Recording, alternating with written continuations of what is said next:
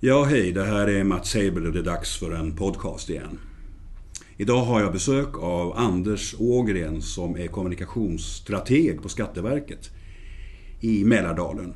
Och ni på Skatteverket, ni har ju verkligen varit på det här med storytelling och vi har haft lite grann med varandra att göra genom åren, du och jag och dina medarbetare. Vad var det som gjorde att ni blev så intresserade av storytelling egentligen? Ja, vad var det som hände egentligen? Eh, det har jag faktiskt funderat en del på. Hur, hur, hur kom det sig att vi ramlade in på det här så tydligt? Och egentligen var det nog avsaknad av någonting i vårt sätt att kommunicera på Skatteverket. Där vi eh, dagligen lever i en väldigt siffertät värld och, och eh, mera emotionell kommunikation var inte så utbrett hos oss och är inte än idag men det börjar, börjar bli det bland annat genom berättelser. Och vad kan det vara?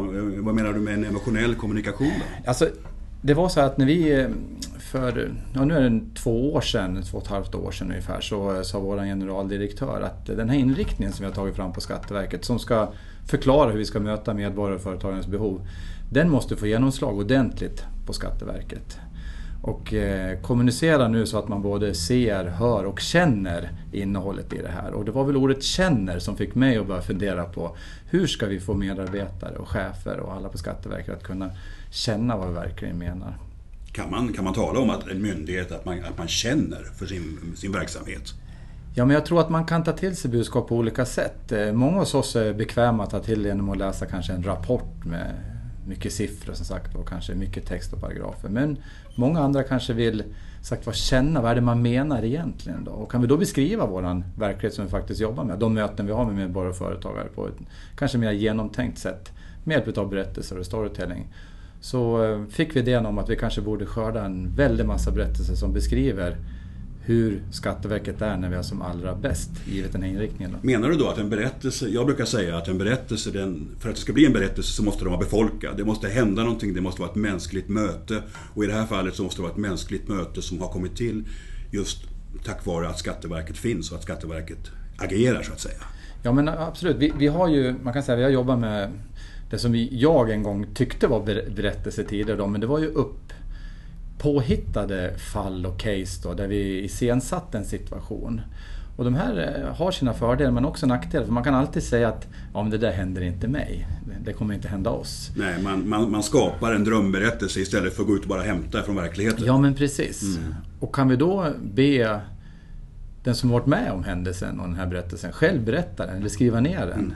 Och vi börjar koppla den till till det uppdrag vi har då. Mm.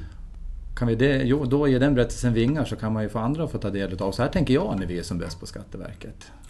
Jag brukar alltid ställa, när jag, när jag är ute och samlar berättelser så brukar jag ibland ta fram mitt finger och peka på en person och så brukar jag säga Vad var det som hände egentligen? Och har du något exempel på någon sån här berättelse som du kan komma på nu som ni har skördat? För ni har ju flera hundra berättelser vad jag förstår. Ja, vi stolterar ju tror jag fortfarande med Sveriges största berättelseskörd. Vi samlade 700 medarbetare för drygt två år sedan och fick hem 500 berättelser. Mm. Eh, där varenda berättelse är ju som sagt var sann. Det är det som är så oerhört kraftfullt. Eh, det går inte att ta ifrån någon den här händelsen, det har faktiskt hänt. Och den upplevelsen. Ni, gjorde ju, ni gjorde ju en bok som hette Glädjen tillbaks i ateljén och 29 andra berättelser från Skatteverket. Och den där glädjen tillbaks i ateljén. Jag har för mig att det var, var det inte så att det var en kvinna, någon konstnär tror jag hon var, som satt och hade blankettfobi och hon, hon stod inte ut, hon, bara hon såg ett brev från Skatteverket så började hon nästan skaka och la undan det där och till slut så blev det där ett, ett hinder som, som, som förmörkade hennes vardag. Det var någonting sånt, var det inte Jo, det? men det stämmer bra. Det är ju faktiskt så att vi möter ju många medborgare och företagare, inte minst företagare som förmodligen har blivit företagare just för att man tycker om att måla i det här fallet. Då. Och mm. kanske inte för att deklarera. så är det ju. Och de, eh, sen finns det ju företagare som tycker just det ekonomiska intresset är det som är drivkraften. Då. Men bland de här berättelseskördarna så fick vi massor med berättelser kring just sådana företagare som har en idé, en verksamhetsidé som man vill förverkliga. Och eh, i vår ändå krångliga värld kan man väl lov att säga att skatte, skattevärlden är, även om vi försöker förenkla. Eh, så, eh, så kan man ju tydligt se att när vi förstår den här företagaren då, att den behöver hjälp och, inte för att liksom skälpa då och kontrollera i efterhand. Så blir det fantastiska möten där man kanske till och med hittar tillbaka till glädjen i ateljén. Det kanske var byråkrattungt där inne också ett tag. Då. Så den berättelsen var jätteviktig för oss bland många, många, många andra där, där just det här mötet, när vi gör skillnaden genom små enkla eh, ja, i ett fall till och med nickningar. Och det är en berättelse som jag tänker speciellt på. Den har fått eh, fått eh, rubriken social fobi och handlar om en äldre dam som tyvärr hade drabbats av mycket sjukdomar men hade behov då att besöka våra servicekontor som vi har tillsammans med Försäkringskassan och Pensionsmyndigheten. Problemet för henne det var att servicekontoren är alltid mycket, mycket folk där, besök där. Och många, många gånger så vände den här damen i dörren för hon orkade inte gå in i den här eh, miljön. Då. Det uppmärksammade en av våra eh, handläggare där och eh, sökte upp den här damen eh, och bad henne sitta ner så skulle hon få hjälp sen. Och de här hittade en kontakt så att eh, framöver när den här damen kom till, till vårt servicekontor så kunde vår serviceanläggare bara blinka och skicka en nick till den här så satte hon sig ner och fick den hjälp hon behövde. Så nu kommer hon till vårt servicekontor och tackar istället för att vända i dörren. Då. Och det här, den här berättelsen blir viktig för att visa på att vi, vi eh, kan göra skillnad om vi ser individen och inte ser eh, alla som ett stort kollektiv. Man har olika behov. Då. Dessutom så öppnar vi inte bara upp servicekontorsdörren för den här damen utan vi öppnar upp hela samhället med rättigheter och skyldigheter. Så den här berättelsen blir jätteviktig för oss. Dels för att påminna om vilket faktiskt viktigt uppdrag vi har som vi är stolta över. Men också hur den enskilda handläggaren kan göra en enorm skillnad. Det där är ju en typisk bemötandeberättelse. Och eh, storytelling handlar ju väldigt ofta om bemötande, för det är ju mänskliga möten. Jag kommer ihåg en i den där boken, eh, som jag ju själv var lite grann involverad i att ta fram de där berättelserna. Och det var den här mannen, den skeptiske gubben, jag tror det var i Södertälje. Det var någon gubbe som tyckte att det där med myndigheter och skattemyndigheter och pensionsmyndigheter, han var en sån där myndighetsskeptiker. Mm. Och så gick han just till ett sånt där servicekontor. Han visste ju inte att ni hade börjat samarbeta med Försäkringskassan och då är det väl Pensionsmyndigheten Stämmer också. Bra det, ja. Och Skatteverket. Och han kom in där och plötsligt bara så kommer någon fram och säger Vad kan jag hjälpa dig med då? Och han är lite grinig och, han tänker det här kommer att ta tid och det är köer och det är lappar och alltihopa. Och helt snabbt, inom kanske någon halvtimme eller så, så var allting löst. Han skulle åka utomlands. Sen kommer han hem till sin familj, för han är farfar. Han kommer hem till sin familj och så eh, sätter han sig vid köksbordet och tar en kopp kaffe och så säger han så här. Är det inte fantastiskt vilken service de har, myndigheterna idag? Han blev omvänd. Ja, vi lyckas ju där faktiskt få... Nöjd kund ja, kan man säga. Precis, ja, där, där hela idén med servicekontor levde ut i den här äldre farbrorn. Ja. Och då blir ju den här farbrorn viktig för oss även i berättelsesammanhang. Ja. Och, och eh, istället för att låta det passera förbi, vi skapade en berättelse kring det här. Då, så ja. satte vi det i arbete. Och så, det. Ja, men kan man älska en myndighet? Jag brukar säga att det kan man, men då får myndigheten lov att berätta. Ja, precis. Jag har ju jobbat mycket med landsting och sådär också. Och, eh, och då hade jag, när vi jobbade med landstinget i Kalmar, då, då hade vi strids, hade, jag hade stridsropet Kan man älska ett landsting? Mm. Och jag svarar själv, ja, det kan man. Mm. Vi behöver landstinget, vi äger landstinget, vi finansierar landstinget. Men landstinget måste ju också berätta för att vi ska förstå vad det är vi har, vad det är vi äger. Och det tror jag gäller Skattemyndigheten också. Man hör ganska ofta människor som, som eh, är rätt nöjda med skatte, Skattemyndigheten. Alltså, samhället i Sverige har märkt att det har hänt någonting. Ja, det är faktiskt så vi också möter reaktioner på vår verksamhet. Och det är vi naturligtvis jätte, jätteglada för. Och malliga så har vi nu några veckor till eh, priset som Sveriges modernaste myndighet innan den delas ut på nytt igen. Då. Och där, där beskriver man att vi har gjort en, en kulturresa och eh, från en fruktad fogde, tror jag man uttryckte det nu, till en serviceinstans i samhället, någonting i den stilen. Ja. Och det är bemötande som mycket, ligger mycket det och det har vi jobbat mycket, mycket med. Eh, och eh, som, som, du sa, att berättelserna många gånger slår an på, på bemötande. För det är ju det här mötet, det händer någonting. Där man, där man börjar känna det, det vi talade tidigare idag. Ja. Att här sker det någonting. Och gör vi det på rätt sätt så, så lever vi upp till det uppdrag vi ändå har. Att försöka hjälpa dem som jag tycker, det, ja, jag tycker ett utmärkt exempel det här att en myndighet kan bli en berättande organisation. För att det är klart att man kan säga att bemötandet är viktigt. Vi ska se våra medborgare, säger väl ni va? Ni säger inte skattepliktig, utan ni säger medborgare. Nej, medborgare vill vi säga. Ja, just det. Ja, eller företagare. Ja, och 9 av 10 kronor kommer ju in, det mm. vet jag. Och det finns en legitimitet för att betala skatt i Sverige, att bygga ett starkt samhälle och så vidare. Men de här berättelserna är ju viktiga, tycker jag, då, för att visa att det handlar om människor. Och att då istället säga så här, det är viktigt att vi har ett bemötande, att vi ser våra medborgare när de, när de kommer in i servicelokalen, så kan man ge en story om hur, hur går det där till nu då? Hur, hur gör man när man ser varandra? Precis. Mm. Jo. Nej, men det, just när vi ställer frågan öppet när är Skatteverket, Skatteverket som bäst?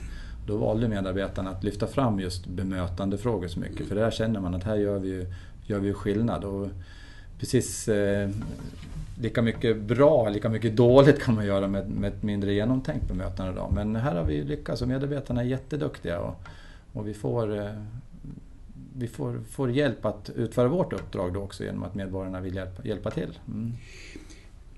Ja, alltså jag, jag, får ju ofta frågan, när jag är ute så får jag frågan så här, jaha, hur går det här att räkna hem då? Mm. Return on investment och mm. sådana här saker. Har ni på något sätt haft möjlighet att, att, att mäta det här? Alltså, att, ja. att, det, att det är någon mening med det ni håller på med med storytelling på Skatteverket? Ja, nej, men vi lever ju också i den världen naturligtvis. Att vi ska använda alla, både tid och pengar på rätt sätt. Och, eh, det här är ju ett kulturarbete som vi håller på med. Eh, och det är ju alltid svårt att mäta. Eh, de första åren här nu har vi levt i tron att eh, märker vi att berättelserna blir lästa om vi lägger ut dem på vårt intranät eller hör att de berättas eller så har vi ju levt i tron att då gör de skillnad. Men förr eller senare behöver, vill vi också se effekter.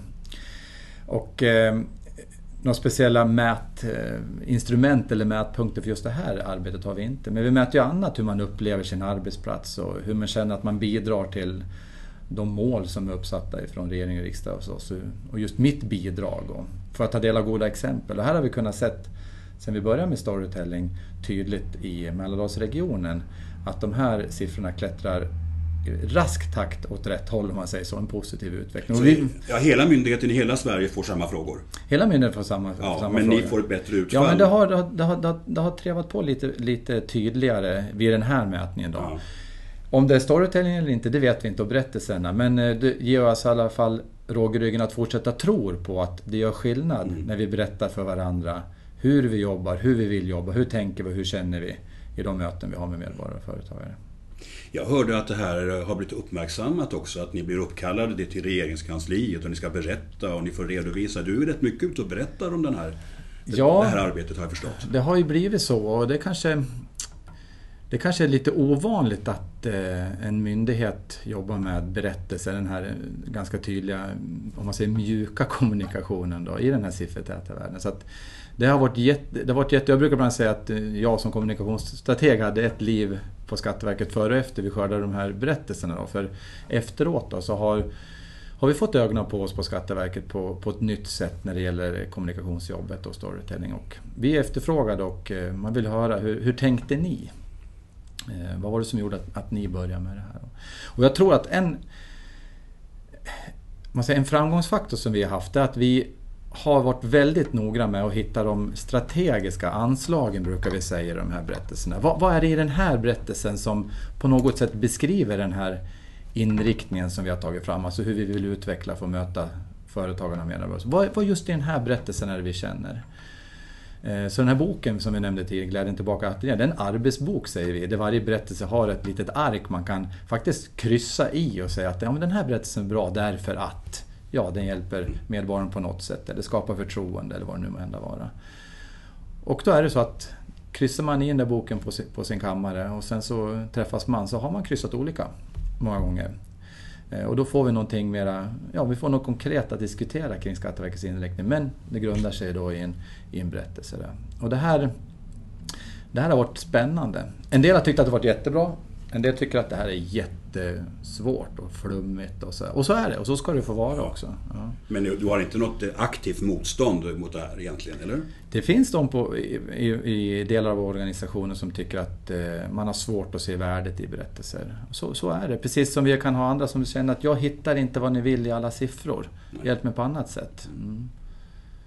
Du, sen hade ni väl, eller har ni fortfarande det, en berättarblogg på ert intranät? Ja, vi har faktiskt eh, två nu. En som jobbar i Mälardalen som vi har haft under lång tid. Men nu har vi växlat upp den så vi lägger ut berättelser även där som når då hela Skatteverket. Det är över 10 000 medarbetare som har möjlighet att läsa de här berättelserna. Är det med kommentarsfunktion också? Ja, med kommentarsfunktioner. Och eh, det är ju intressant att se att en berättelse man kanske inte trodde skulle skapa så mycket samtal, skapade samtal medan någon annan som man trodde den här är laddad, är lite lugnare kring då.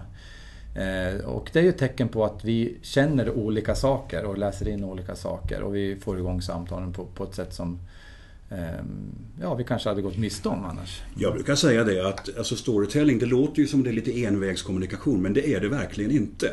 Utan det är en slags dialog faktiskt. Alltså man presenterar en berättelse, du och jag kan höra en berättelse, läsa en berättelse och sen kan vi, behöver inte ens reagera samma. Vi kan ju reagera på olika sätt på den här berättelsen. Det är precis det som ja, händer. Mm. Och det vet jag du har sagt att, att ni kan till och med ha ett möte med, person, med en grupp personal som utgår från en berättelse och sen så blir det en diskussion som kan pågå en hel timme. Mm, ja, om, om Skatteverkets inriktning och roll och, och ja, sådana saker. Där har vi till och med använt berättelser som inte har sitt slut klart än. Alltså det är en pågående handläggning då som vi, som ja, vi berättar. Ja. Naturligtvis är inga företagsnamn eller medborgare nämnda och sånt. Men själva händelsen, nu står vi inför det här. Och vi kan faktiskt göra lite olika val. Vi är inom lagstiftning men vi kan göra olika val beroende på hur, hur läget ser ut. Och så får man tillsammans diskutera fortsättningen då. Så det, det är rätt spännande. Mm. Du, eh, vad händer nu då?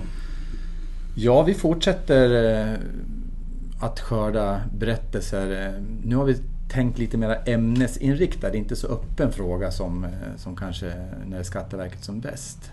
Vi har gjort några mindre skördar då, där kontor då har aktiverat sig kring att hitta berättelser för att stödja vissa budskap. Och det som ligger närmast en ny, alldeles färsk tanke, det har Eh, vi tänkte oss, kan berättelserna hjälpa oss att beskriva när vi som bäst som chefer, alltså i vår ledningsfilosofi som vi har tagit fram och som vi jobbar nu sedan, sedan en lång tid tillbaka. Då, där man som chef säger, jag behöver konkretion, hjälp mig att förstå vad de här orden som uttrycks, vad betyder de? Ja, vi kanske ska ställa frågan när jag som bäst som chef utifrån ledningsfilosofin och ta hem berättelser.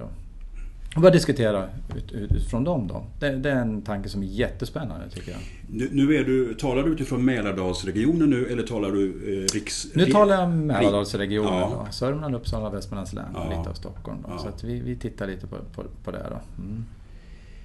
Vad bra. Eh, tack för att jag fick prata med dig Anders. Och det är ju, jag, jag, känner mig så himla entusiastisk själv faktiskt. För jag tycker det är så roligt att se hur en myndighet som kanske vid en första anblick trots allt kan verka ganska torr och tråkig och formell och byråkratisk. Ja, faktiskt kan bli en väldigt emotionell och berättande eh, myndighet. Och att jag tror att detta betyder mycket för ni har ganska stora 55 plus generation som lämnar nu, är det inte så? Ni rekryterar ja. väldigt mycket nya unga människor. Ja, alltså vi rekryterar eh, fortfarande. Även om vi tillsammans med andra myndigheter då minskar det totalt sett. Då. Men när man kommer till oss så så vill vi att man ska veta vilken myndighet kommer man till. Ja. Och där, även där har vi sett stora användningsområden av berättelser för att mm. beskriva uppdraget. Att man känner, ja men vi är inte så mycket vid skrivborden. Vi är ute och möter företag, ja. till exempel. Och när man tittar i er bok och när man hör era berättelser, då är det ju en... Alltså jag tycker att jag, att jag ser en modern servicemyndighet. Och om någon skulle börja jobba hos den här myndigheten, då är det väldigt bra att man har klart för sig att detta är en modern servicemyndighet. Det är inte en formell, byråkratisk, instängd juridisk eh, myndighet Nej, på samma sätt. Att... För jag vet ju själv som småföretagare mm. att det faktiskt kan vara så, trots att jag har skrivit flera böcker och mm. varit journalist i många, många år, så kan jag få, har jag kunnat få brev för, från Skatteverket som jag inte förstår. Ja.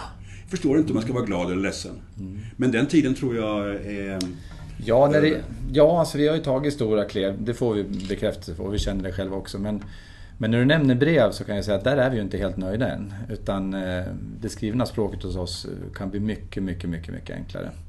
Och eh, här kan vi också fundera på hur vi kan använda berättelser för att beskriva det skrivna mötet då, när vi är som allra bäst. Så det finns massor med användningsområden.